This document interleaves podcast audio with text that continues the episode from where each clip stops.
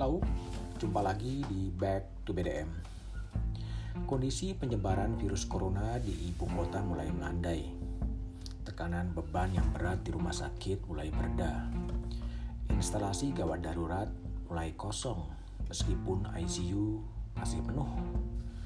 Jumlah kasus aktif mencapai 17.850 orang per 31 Juli 2021 turun signifikan dibandingkan 113.000 pada 16 Juli 2021.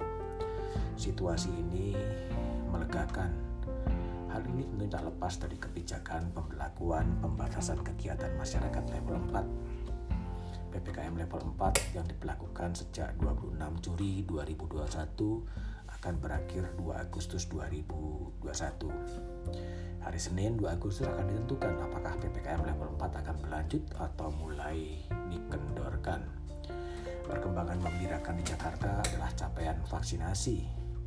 Target 7,5 juta orang yang diberikan Presiden Jokowi pada akhir Agustus 2021 telah dilampaui. 7,5 juta orang itu adalah orang yang divaksin di Jakarta. Yang berKTP Jakarta, bekerja di Jakarta tapi berKTP luar, intinya adalah mereka yang divaksin di Jakarta. Meski ada perbaikan, benar kata Gubernur Jakarta Anies Baswedan, masyarakat tidak boleh kendur dalam menjalankan protokol kesehatan selama beraktivitas di luar rumah. Selain itu, pandemi ini belum selesai. Positivity rate di Jakarta masih berada di angka 15 persen. Sementara WHO mengatakan level yang paling aman adalah 5 persen.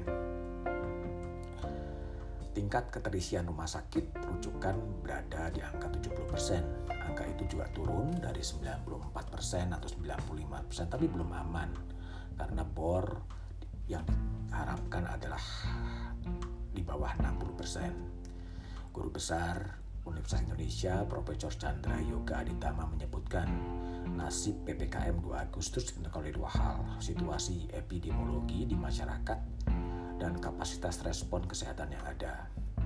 Penghitungan suyakjanya sesuai dengan dokumen terbaru WHO 14 Juni 2021, Consideration for Implementing and Adjusting Public Health and Social Measures in the Context of COVID-19.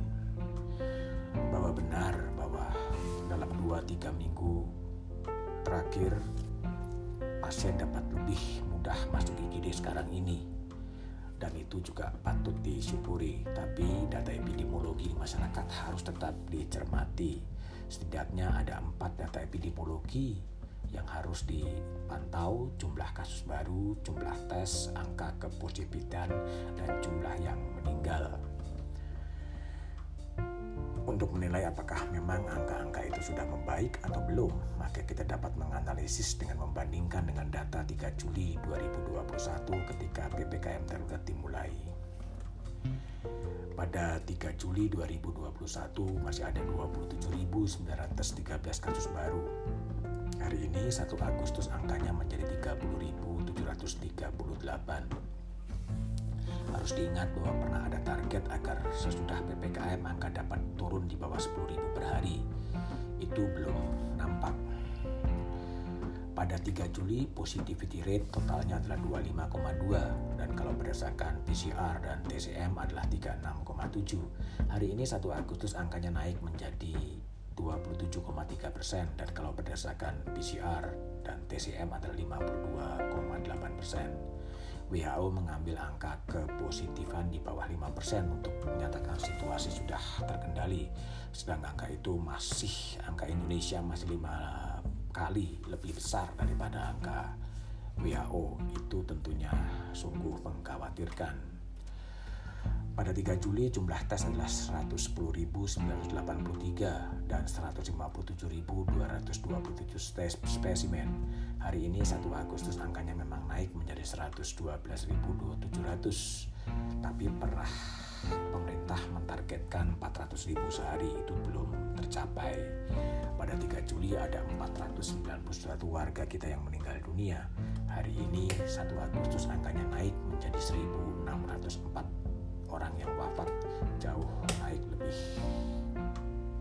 sekali lipat. Ini tentunya masih menyedihkan. Artinya bahwa PPKM level 4 tentunya harus betul-betul mempertimbangkan data-data epidemiologi sehingga kesehatan masyarakat betul-betul tetap menjadi yang utama. Jumpa lagi di Back to PDM berikutnya.